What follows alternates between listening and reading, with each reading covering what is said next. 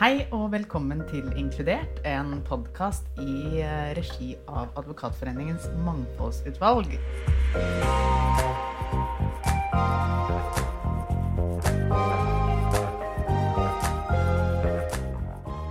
I dag er det skikkelig fredagsstemning i podkasten i studio her. For vi, eh, fordi først og fremst fordi det er fredag. Eh, klokka bikka tolv, og vi har eh, Heidi og jeg, Heidi Jorkjen og Kristine Hasle, vi som driver podkasten, medlemmer av eh, Mangfoldsutvalget, har fått besøk av faktisk hver vår kollega. Ja. Veldig stas. Ylva Petersen og Ingjerd Rønås, velkommen til oss. Tusen takk. Tusen takk. Ja. Veldig hyggelig å ha dere på besøk. Vi eh, har jo egentlig prøvd å være litt sånn strenge på ikke ha eh, bare kollegaer av oss selv. Eh, men akkurat det her så følte jeg at vi måtte gjøre et unntak, og det er eh, for to eh, fremadstormende unge kvinnelige partnere innenfor eh, M&A. Dette skal vi snakke litt eh, mer om.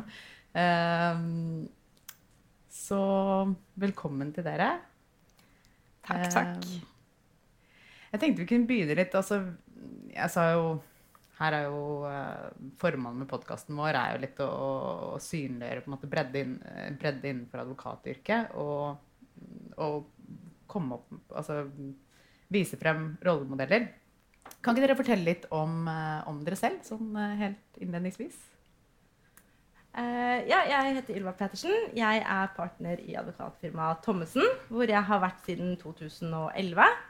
Jeg gikk ut av studiet i 2010, eh, og da begynte jeg først i et mellomstort advokatfirma. Men jeg fant ganske fort ut at jeg hadde lyst til å jobbe veldig rendyrket med transaksjoner, så da søkte jeg meg over til Thommessen, hvor jeg da har vært eh, siden. I 2013 så flyttet jeg til London og jobbet to år på, fra vårt London-kontor. Eh, så det var veldig spennende. Og da ble jeg vel fast advokat mens jeg var der borte. Eh, så kom jeg hjem, eh, jobbet litt videre her, ble senere advokat i 16-17. Eh, og så ble jeg da partner i 2019. Og ja, sånn har vel egentlig det løpet vært. Jeg kan også legge til at jeg jobber jo da både med fusjoner og oppkjøp, det som man kaller for M&A, men også mye kapitalmarkedstransaksjoner, som da er børsnoteringer, emisjoner i børsnoterte selskap, ja, og lignende øvelser. Så bra. Inger, hva med deg? Ja, Ingjerd Røynås heter jeg, kommer, eller jobber i Wiersholm advokatfirma. Um, her har jeg vært siden 2010. Um, nå jobber jeg bare med transaksjoner og generell rådgivning innenfor selskapsrett og kontraktsrett. Um, jobber i dag mye med internasjonale transaksjoner, hvor vi har uh, enten kjøper eller selger som da er utenlandsk. Um, og den siste tiden så har det vært mye teknologitransaksjoner, altså innenfor IT og software. For nå er jo det ganske på i markedet, og da er det mye, mye av det.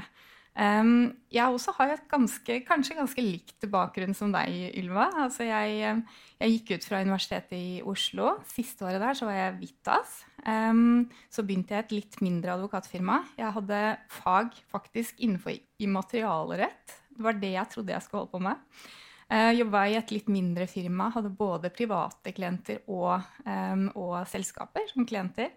Um, så fant jeg ut etter hvert at jeg hadde lyst til å jobbe med transaksjoner. Og bare transaksjoner. Så da dro jeg først en liten tur til London, tok en master der um, for å bli litt bedre engelsk, uh, ta noe fag innenfor M&A. Og så kom jeg til Vision.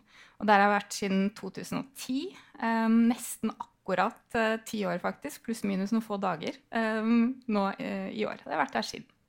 Så det er litt om min bakgrunn fra, ja, siden universitetet. Så kult. Men begge to fant jo da ganske raskt ut at de bare vil jobbe med transaksjoner. ja. Hva er det som er så kult med transaksjoner? Åh, hvor skal man begynne hen? Det er så mye som er gøy. Um, jeg må jo si at jeg syns jo Det er veldig altså For all del, vi begge jobber jo, altså du også, uh, mye med også løpende rådgivning. Så det er jo ikke sånn at man bare gjør transaksjoner. Det er jo viktig å å gjøre, passe på at ting blir gjort riktig mellom transaksjonene også. Men eh, jeg syns det er veldig gøy å liksom jobbe mot at du har et veldig konkret mål.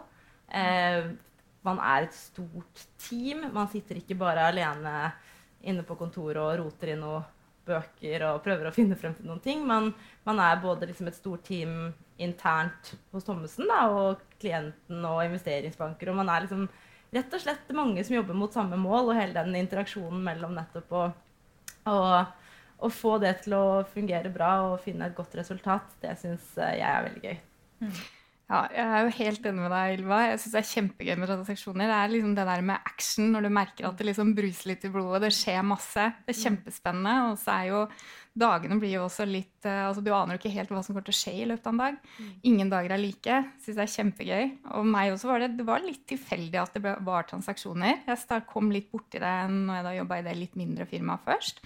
Uh, og syntes dette virket kjempespennende. Uh, visste jo veldig lite om det fra universitetet, fordi det var jo ikke noe, noe fag innenfor uh, transaksjoner der. Hadde ikke engang selskapsrett. Men, men jeg ble ordentlig bitt av basillen når jeg starta med det, og bare tenkte dette, det skal jeg jobbe med. Kjempegøy. Mm. Men du sa det jo egentlig nå, Inge, at det er jo ikke et fag på jussen. vi håper jo at denne podkasten kanskje når noen jusstudenter. Hva, hva er egentlig transaksjoner? Altså, transaksjoner det er jo eh, kjøp og salg av selskaper. Eh, så det er jo en prosess hvor vi da er med som rådgiver eh, ganske tidlig av prosessen. Når partene, Enten om det er parter som snakker med hverandre og har tenkt at jo, denne, dette selskapet skal selgeren selge til en konkret kjøper, eller det er mange kjøpere der ute. At man setter i gang en mer sånn strukturert salgsprosess. Og så er det å følge den prosessen hvor vi rådgir underveis. Og så er det jo etter hvert så vil det være forhandlinger med transaksjonsavtalen. Og så skal de signere, og så skal de gjennomføre. Eh, så det er selve Vi følger jo da prosessen fra start og til slutt. Du kan sammenligne med liksom når du selger huset ditt. Du begynner kanskje å tenke at nå, nei, kanskje vi kan kjøre en salgsprosess, og så er det jo da visse ting du kanskje må gjøre. Du må kanskje nettopp uh, shine litt innvendig og gjøre det litt klart uh, til visning. Og det er en, ofte en viktig del av, jobben også i transaksjoner. Og på en måte nettopp sørge for er det noe sant, Gjøre selskapet klart til salg. Da. Så ofte så bruker vi jo mye tid på det før transaksjonen kommer i gang. Eh, og så begynner man nettopp sant, å ringe megler og begynne å gå ut og skal markedsføre transaksjonen. Uh, eller hussalget, da, alt ettersom hvordan du, du ser på det. Så inviterer du da folk inn, og så blir det jo budrunde. Og så skal du eh, gjøre det opp eh, til slutt, for å si det litt enkelt. Da. Så det er jo egentlig ikke vanskeligere enn det. Det bare høres så kult ut med M&A at det er liksom det vi ja. Jeg tror det er, Men det er veldig kult at dere eh, at, dere, at, vi har den der. For det, jeg tror at det, Da jeg gikk på studiet, så visste jeg ikke liksom, eh, hva M&A var. og jeg begynte også faktisk i børs og trans, da, i, som vi kalte det. Litt sånn tvilsomt i 2005. Og, og, eh, det der var jo veldig gøy å bare komme inn i den, i den energien og mm. aktiviteten. Og det var jo et stort spenn. Og jeg endte jo opp med, med skip, og det på en måte gikk en annen retning etterpå. Men, men uh, jeg tror det er liksom mye, mye, mystikk rundt det der, men at fellesnevneren er at For jusstudenter, da, at man Det er en helt annen verden enn, mm. å, enn å, sitte og lese på, på studiet. Mm.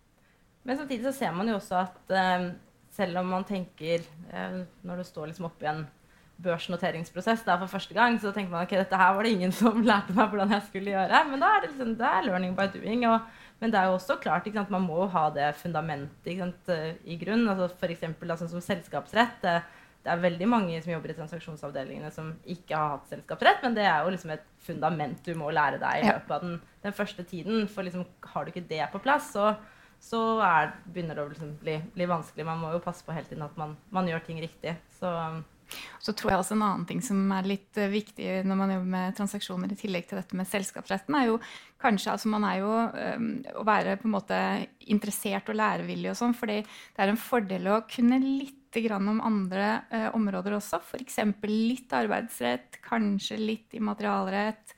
Litt sånn at du i hvert fall vet når du må trekke inn andre eksperter. Eh, så der ser jeg at i hvert fall for min del at det nok har vært en fordel å være liksom borti litt forskjellige fagfelt eh, før. Og så lærer man, sånn som du sier, Ylva, med 'learning by doing'. Jeg husker også kjempegodt den første transaksjonen jeg gjorde når jeg kom til Wiersholm. Eh, da var jeg, så, jeg var heldig, så jeg fikk være med i liksom hele prosessen. Skulle skrive avtale. Og mm, hadde, hadde jo aldri sett en sånn avtale før. Bare OK, hvordan gjør jeg dette? Så husker jeg jeg var bladde litt i noen eh, andre avtaler og titta litt sånn. Og så tenkte jeg ja ja, hva hvis jeg tar med det beste fra alle disse her som jeg tror er det beste, så kan det vel ikke bli så dårlig, tenkte jeg. Det var sikkert helt, helt elendig det jeg fikk til, men, det er i hvert fall, man, man, må jo lære. Dette kan man jo ikke fra før av. Og det er jo litt med det også. Bare prøve. Og så er det jo ingen som forventer at man skriver den beste aksjekjøpsavtalen første dag på jobb. Det gjør man jo ikke. Helt enig. Men dere har jo på en måte oppnådd det som kanskje for mange, særlig de som kanskje begynner i de store forretningsjuridiske firmaene, da, liksom det, på en måte anses som på en måte det ypperste. Det er å bli partner i M&A-avdelingene. Hva har vært viktig på veien eh, for dere? Og hvordan har dere, dere klart da, å ende opp der dere er i dag? Ja, i hvert fall For min del så tror jeg en av de viktige tingene er å ha egentlig hatt um, personer, for, forbilder, rett og slett. Altså både kvinner og menn. Uh, jobba med liksom, de ordentlig flinke, flinke transaksjonsadvokatene. Så har jeg liksom tenkt at åh, sånn vil jeg også bli. Og liksom så har jeg også vært heldig og fått lov til å prøve meg. Altså virkelig blitt uh, dytta litt ut på tynn is innen kontrollerte former og meg, prøvd å kaste meg ut i det og bare tenke at ok, men dette skal jeg også få til. Eh, så, så, det er litt det der med å ha, se disse kjempeflinke transaksjonsadvokatene som er eldre, og tenke at åh, sånn vil jeg også bli. Så det har vært en, hvert fall for min del en veldig stor motivasjonskilde. Så det har vært viktig, viktig underveis. Jeg har hatt gode mentorer, folk som har trodd på meg um, og latt meg få lov. Så det har vel kanskje vært en av de viktigste tingene for min del. Ja, jeg er helt enig. Det, det, det samme gjelder for, for meg, altså, som du også var litt inne på så tror jeg det handler litt om å dytte seg selv oppover karrierestigen. Og da tenker jeg liksom ikke med spisse albuer. Men det handler om å tørre å ta på seg litt store sko, som du sier da, innenfor kontrollerte former. Mm. Vi begge jobber jo i det vil tørre å si, Norges beste transaksjonsavdelinger. Eh, og når du nettopp har liksom, den kunnskapen og den tryggheten i bakhånd, så, så er det jo nettopp du, du, du, vet at du alltid har noen å diskutere med. Mm. Altså, du har den tryggheten. Og, men det er nettopp da å pushe seg selv litt og gjøre ting som man kanskje liksom tenker dette er liksom above my pay grade. Men uh, ta den, ok, som du sier, da da du begynte i Wiersholm og skulle skrive din første transaksjonsavtale, så var det sånn Du har sikkert skrevet bedre transaksjonsavtaler i, i, etter, i ettertid. Da. Men det er nettopp det å tørre å prøve ting som man kanskje liksom egentlig tenker at dette her kan en senere advokat gjøre. Men uh, bare prøv, liksom. Mm. jeg tror det er liksom et uh, en viktig del av å, å, komme seg opp og frem. Og også nettopp det ikke bare sånn, sitte og vente på å få oppgaver, eller at folk kommer og spør deg om å gjøre ting. Sånn, ta litt ansvar selv. Være med på å drive prosessene fremover. Ok, Er det noe mer vi kan gjøre her for å liksom, komme fortsatt til målet? Eh, og det tror jeg har vært ja, viktig for meg. da. Mm. Dere har jo egentlig begge vært litt inne på det nå med dette med hvordan man egentlig jobber. Eh, for jeg tenker at Hvis du ikke har jobbet i et forretningsjuridisk firma før, så er det kanskje ikke helt klart. Men det er jo ganske stor grad av teamarbeid. Eh, kan du ikke bare mm. fortelle litt om hvordan det ser ut sånn typisk eh, på en transaksjon? Ja, skal jeg begynne? Ja, vi, det kommer jo selvfølgelig an på. Altså, vi, vi jobber jo både med si, de, de største transaksjonene i, i, Norge, og veldig mye mindre transaksjoner. Da. Hvis vi tenker at vi er liksom et eller annet sted midt imellom eh, de to ytterpunktene, eh, så lager man jo ofte et team som består av en partner, ofte da kanskje en fast advokat eller senere advokat, litt alt ettersom. Eh, og kanskje en fullmektig liksom, fra transaksjonsavdelingen vår, som liksom er hva skal man si, eh, ansvarlig for liksom, prosessen, egentlig. Um, og så er det litt sånn at man fordeler litt sånn oppgaver. Ting faller seg litt naturlig. Eh, fullmektigen får kanskje ansvarlig for å holde liksom, i due diligence-arbeidet. Eh, mens kanskje nei, fastadvokaten tar litt ansvar for transaksjonsavtaler, holder litt i tidslinjer. Eh, ja, være med på å drive prosessen fremover. Eh, og så blir det ofte til at man kobler på et større eller mindre team liksom, som er med på å gjøre DD igjen. Uh, så det er liksom sånn det teamet liksom bygger, seg, bygger, seg, opp. Jeg vet ikke om har noe tilføye. Ja, det er jo ganske likt sånn som vi også jobber. Vi, vi også har en sånn typisk kjerneteam som består av en partner, og så en som er fast advokat eller senior, som er prosjektlederen. Og så har vi en prosjektassistent som er en fullmektig. Og det er egentlig kjerneteamet på stort sett alle transaksjoner. Og så har vi, litt avhengig av hvor stor den, den transaksjonen er, så må vi ha også flere andre med Men det er på en måte kjerneteamet fra, fra, fra, fra vår side. Sånn helt liksom dere, Ylva. Som eh, er med i prosessen fra start til slutt. Og så er det behov for eksperthjelp fra andre. Um, andre fra de andre avdelingene som, eh, som vi legger til på, på, teamet, og som er med også på deler eller hele prosessen, litt avhengig av. Men dette med akkurat med eh, team, det er vel kanskje en av de tingene jeg også syns er veldig, veldig, gøy med transaksjoner, er nettopp at man jobber i team. Eh, så det er ikke sånn at vi sitter alene inne på kontoret og ikke snakker med noen andre, men det er, det er, det er teamarbeid med masse løpende møter og, og oppfølging og diskusjoner i teamet. Så det, det syns jeg er veldig gøy. Hvis du skal trekke frem altså sånn, uh, hva som er det beste med jobben, og hva er det verste med jobben, hvilke utfordringer er dere har sånn uh, Eller har møtt på, uh, eller Ja. Beste og verste med jobben. Ok, Det beste Det er jo flere ting, da. Hvis vi skal trekke frem noe, så tenker jeg det ene det må være altså de fantastiske kollegaene og miljøet, det er en av de tingene som jeg setter aller, aller mest pris på. Det andre tror jeg må være um, at er, jeg syns det er spennende. Altså dette med å lære så mange uh, klienter å kjenne, andre aktører, uh, så mange spennende saker, rett og slett. Vi jobber jo med noen av de mest uh, største og kjente transaksjonene, som jeg syns er kjempegøy. Eh, så de to tingene der tenker jeg kanskje er de, de, viktigste for meg. Altså kollegaene, eh, hyggelig miljø og spennende, spennende oppgaver, rett og slett. Så kanskje også det at ikke hverdagen er lik. Altså hver dag er lik. Den, er, den går seg litt til mens, eh, ja, mens, man går, holdt jeg på å si. Så det må være det beste. Jeg vet ikke om du har noe å legge til, Ylva? eller om det Jo, nei, jeg er helt enig. Det er nettopp det å liksom både det å ha, ha, det gøy på jobben er kjempeviktig. Det er jo ikke til å skyve under en stol at man til tider jobber mye. Men det er nettopp da liksom, å ha det gøy mellom slagene og liksom, ja. likevel liksom glede seg fordi man, man, har det gøy og jobber bra sammen, det, syns jeg også er noe eh, av det, det beste. Eh, og så syns jeg det er nettopp det at eh, å jobbe med hva skal man si, nettopp de, de flinkeste hos klientene. ikke Ja. Vi jobber med de beste investeringsbankene i Norge.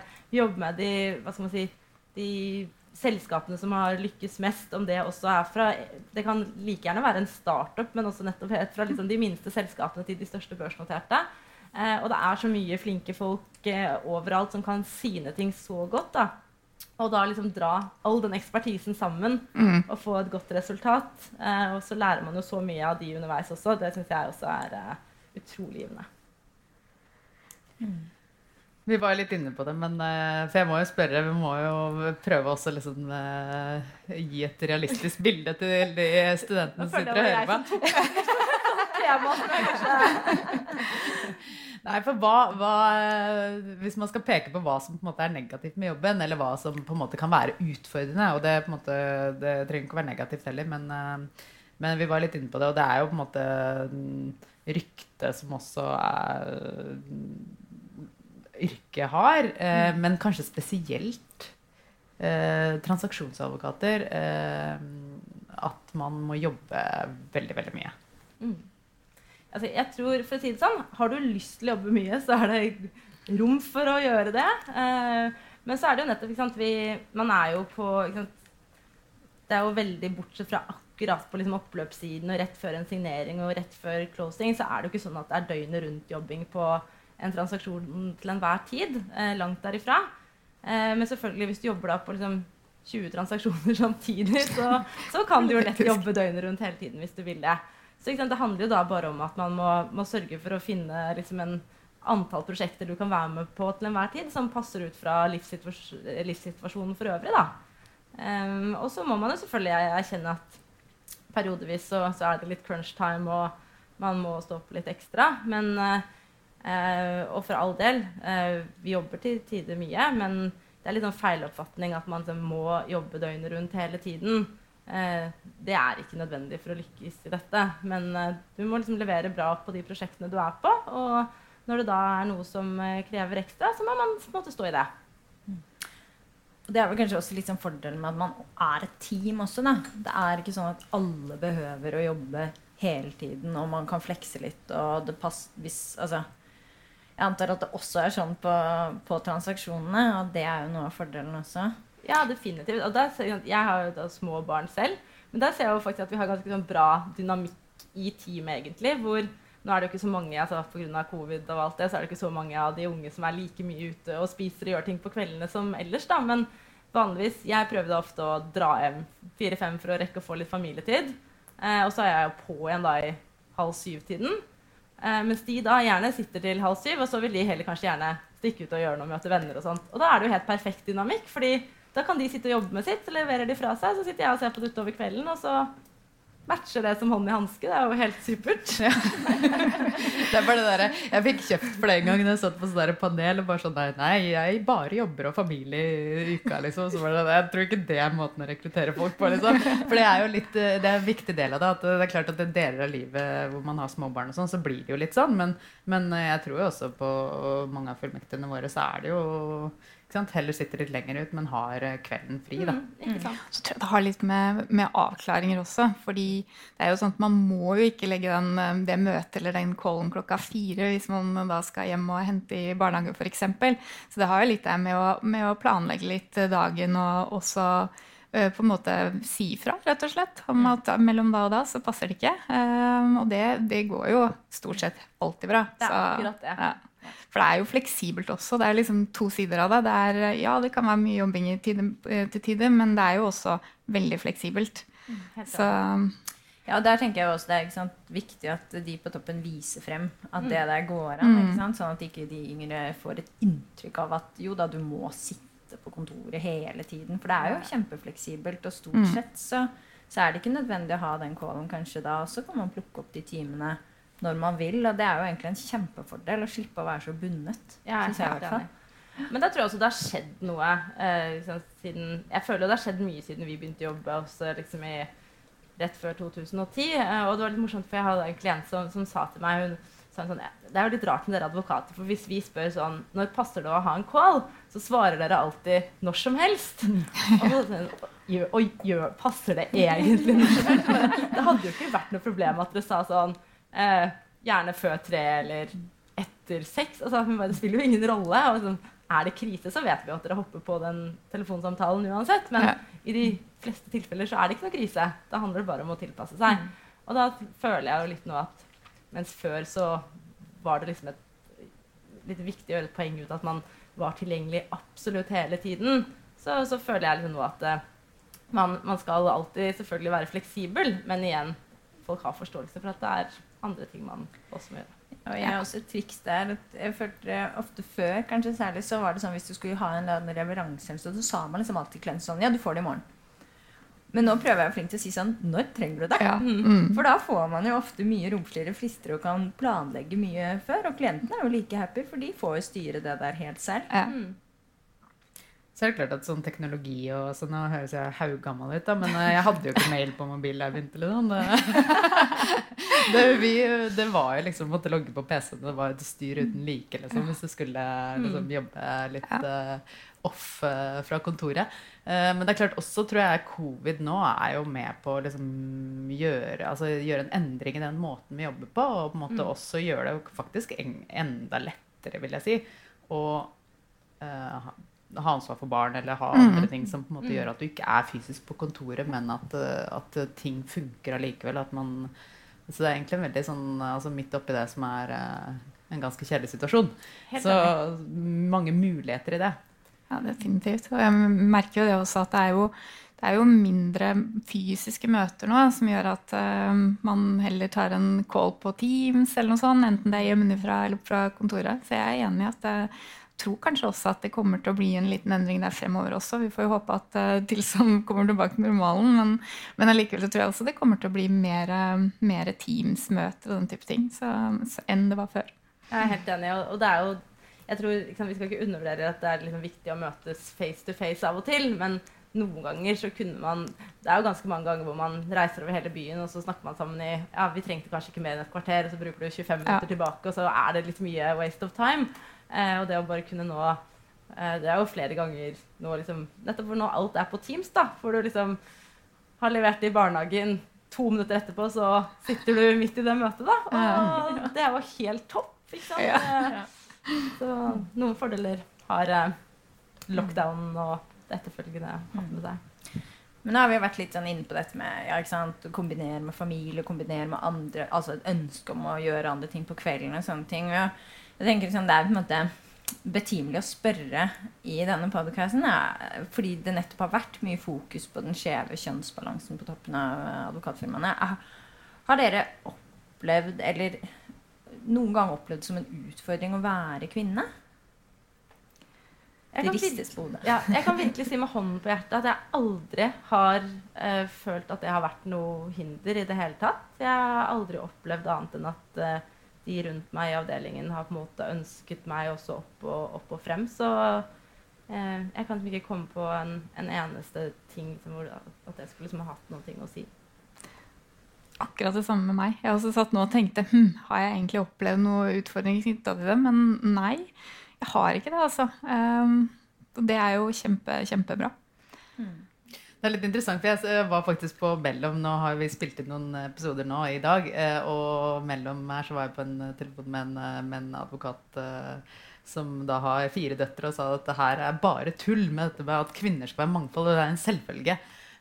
Men samtidig så ser vi jo, sant, på, spesielt på partnernivå Nå er det jo heldigvis en annen historie på liksom de andre nivåene av, av, av stillinger innenfor advokatfirmaene. Men, men, det er jo fortsatt en skjevhet. Mm. Eh, og, og, hva tenker dere, hvorfor er det sånn? Altså jeg tror sant, Man har jo litt den utfordringen av at det er veldig mange, og det er jo positivt, det, uh, i partnerskapene som, som, blir der til uh, de går uh, møter holdt jeg på å si, aldersgrensen.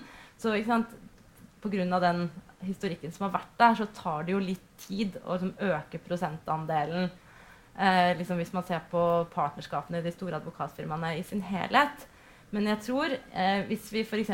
om fem år ser på la oss si, liksom, de som har blitt tatt opp de, som partnere de liksom, fem eller ti siste årene, så tror jeg man begynner å se der at det kanskje forhåpentligvis begynner å være nærmere 50% enn 0 eh, Men så må man jo erkjenne at det så lenge sant, alle de som er partene allerede fortsatt er der, så sliter man jo med å få tallet opp at 50% i partnerskapet er kvinner. Da måtte man jo bare ha tatt opp kvinner de neste ti årene, og det er jo heller ikke veien å gå. Så jeg tror vi må heller bare se på at liksom, dette er noe vi er med på å dra i riktig retning.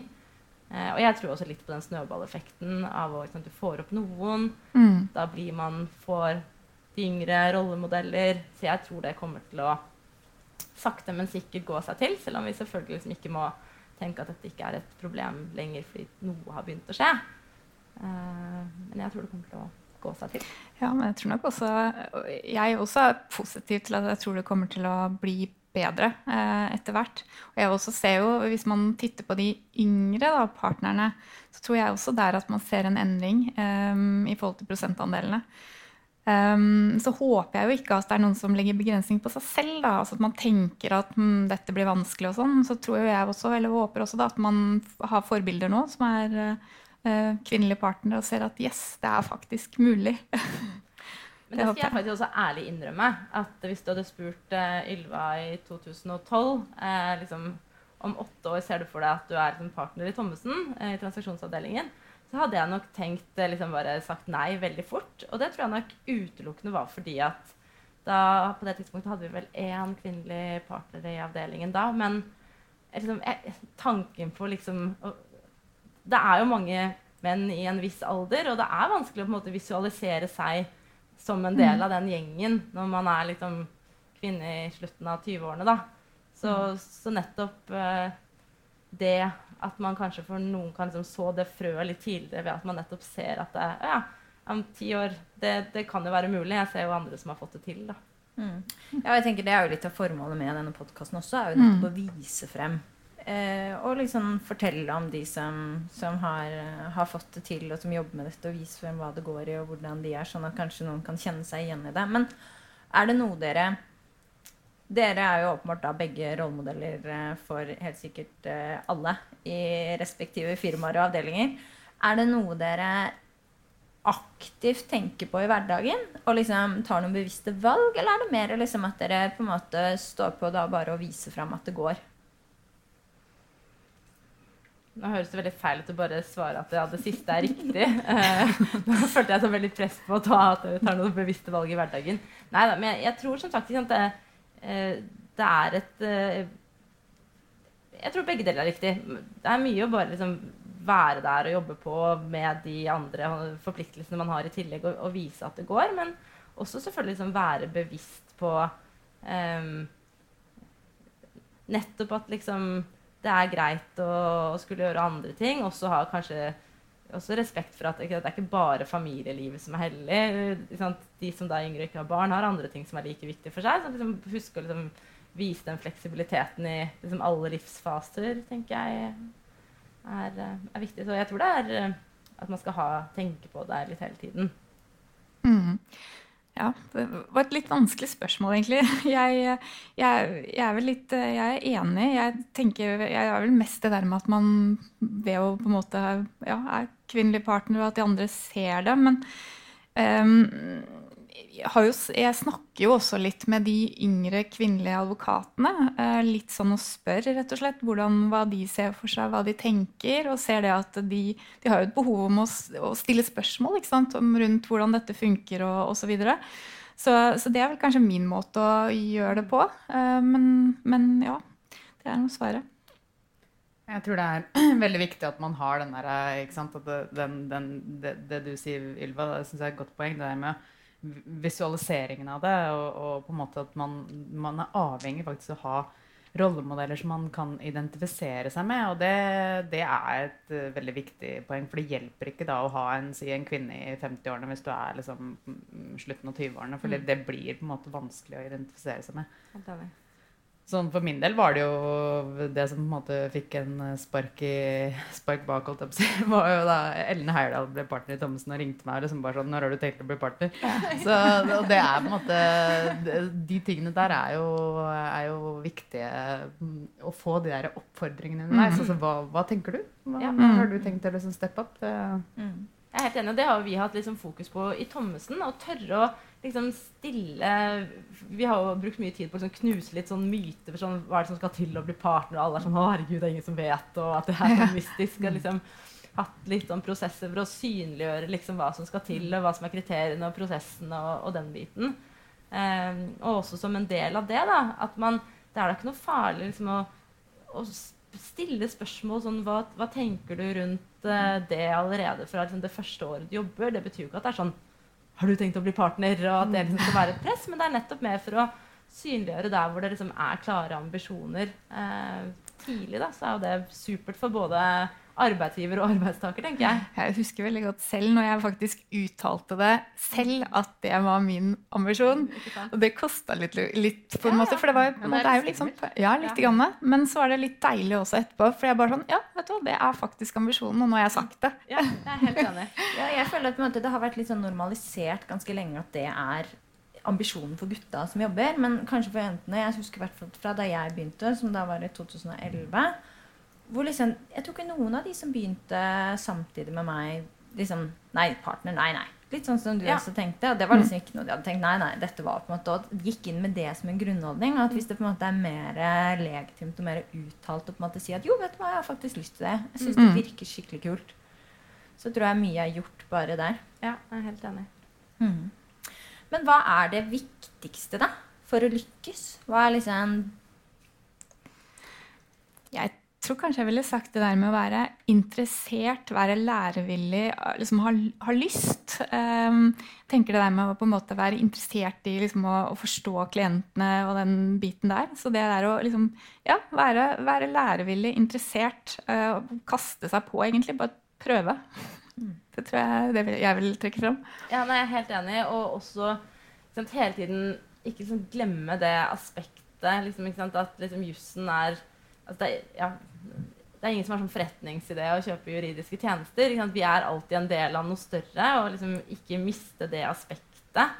Eh, det tror jeg er veldig viktig. Og så handler det også om å følge litt med på verden ellers. Ja. Eh, man må skjønne, i hvert fall vi som jobber med transaksjoner, vi må skjønne det markedet klienten vår liksom opererer i for å kunne gi et uh, godt resultat. Liksom man, må, man, må, følge med hva som skjer i næringslivet. Da. Det tror jeg er viktig. Eh, og så tror jeg også det som er viktig, er hele denne hva skal man si, klientutviklings-, markedsføringsbiten av det. Fordi det er jo en stor del av å, å være partner. Eh, og så tror jeg det er mange som tenker at det er noe som man ikke trenger å forholde seg til da nettopp før man kanskje er på oppløpssiden av å bli partner og lignende. Og det tror jeg liksom er noe man skal, hvis man har partnerambisjoner, være litt bevisst på tidligere.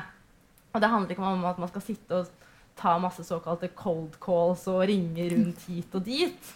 Eh, men det handler bare om å liksom eh, være interessert. Hvorfor jobber vi med den transaksjonen? Oi, nå leste jeg i avisen at eh, de jobber med en børsnotering. Er vi med der? Eller kanskje vi skal prøve altså, Det handler om å bare vise litt interesse for de tingene som foregår, og da Thommessens rolle i det. da. Mm. Um, og synlig Bare liksom møte folk. Uh, ja. Ja, jeg husker jeg fikk um, tips eller sånn, for en stund siden fra en veldig god mentor som sa det liksom på en måte Tenk litt langsiktig, også det der med å treffe eh, peers. Um, fordi at det er jo sånn at ok, er du noen og 20 år eller 30 år, og så er det jo ikke sikkert at på en måte, det er i hvert fall lettere å være i kontakt med de som er like gamle som deg, hos klienten. Og det som skjer, er jo det at ofte så vil jo de personene om en stund være i posisjoner hvor de faktisk da går ut og skal ha juridiske tjenester. Og det å holde kontakt med andre, det er jo litt det der med å kanskje følge opp da, etter at man har gjort en transaksjon, spørre litt hvordan gikk det med den tingen der, og være, igjen egentlig være litt interessert. Uh, ja. Så det, Er. Der skal man jo også tenke at man kanskje har et fortrinn som ung. Altså, det er Mm. lettere kanskje for en ung inhouse å slå på tråden og stille et spørsmål som kanskje man tenker er litt dumt, til en som er jevngammel. Eh, Mm. og enn om å ringe liksom en seniorpartner. Eh, så jeg tenker at det der har man jo også en, eh, en fordel den veien. mm. Jeg er helt enig. Mm. Og kraften av det der blir jo liksom ikke sant, når man, når man kommer der at de også sitter med seniorstillinger, så er jo det der veldig mye mer eh, Da får, man liksom veldig lett uh, fruktene av det også, også fra, ja, altså gjensidig i det forholdet. For det er klart at det er jo litt det derre uh, Så man tenker på markedsføring, som du sier, ikke sant, med cold calls sånn er eh, Det er så langt fra det. Da. Det er ganske mye enklere ting man kan gjøre. Og, og Det det, handler om mye mer enn det. Og det tror jeg kanskje liksom har fått et sånn, også sånn ufortjent sånn dårlig rykte Mm. liksom oppi dette når du skulle bli partner og sånne ting. Så det er ikke sånn at du sier sånn ja, nå skal du ringe Goldman Sachs og spørre om du skal gjøre en transaksjon i Norge. Altså, sånn, det, er, det er ikke det det handler om. Da. Så der tror jeg også liksom, man med fordel liksom, kan knuse litt myter. For Mm. liksom, den biten det er ikke så skummelt som man skal ha det til. Um, Og den beste jeg mener, det er jo å gjøre en god jobb for klienten, så kommer de jo tilbake igjen, og så snakker de pent om deg til andre. ikke sant? Så det har jo litt med det å gjøre òg. Det er nettopp det. Mm. Men nå har jo dere vært Ja, du har vært partner i Halvannet halvannet år, eh, Ylva, og Inger, du er på første året nå. Ehm, hvordan er det? Er, har det hvordan føler dere at dere har en, det har endret seg etter at dere ble partnere? Liksom, for det er jo litt av, tenker jeg også fra studentens side. Hva er det egentlig? Hva er det eh, er det bare en tittel? Hva, hva er som er annerledes med arbeidshverdagen deres eller annet forhold til klienter eller hva som helst? Jeg vil egentlig si at det, det går sånn gradvis. ikke sant? For det, det starter jo egentlig og du begynner jo, ikke sant? så får du mer og mer ansvar. Og så når du jobber etter hvert som senadvokat, så begynner du å jobbe på dine egne transaksjoner, som kanskje er de litt mindre eller mellomstore. Så jeg vil si at det er, liksom, det er jo gradvis. Og så Sånn at eh, sånn i seg selv, altså jobben og den biten der, syns jeg ikke er så veldig annerledes enn det var før eh, jeg ble partner. Nå var det jo et litt spesielt år da, i år, i og med at koronaen kom. Bom, og hele markedet falt. Eh, men, eh, men jeg vil si at det der egentlig har gått gradvis. Eh, ja, gradvis mer ansvar. Men, men jobben i seg selv syns jeg ikke er så annerledes enn det var liksom dagen før jeg ble partner, og dagen etter.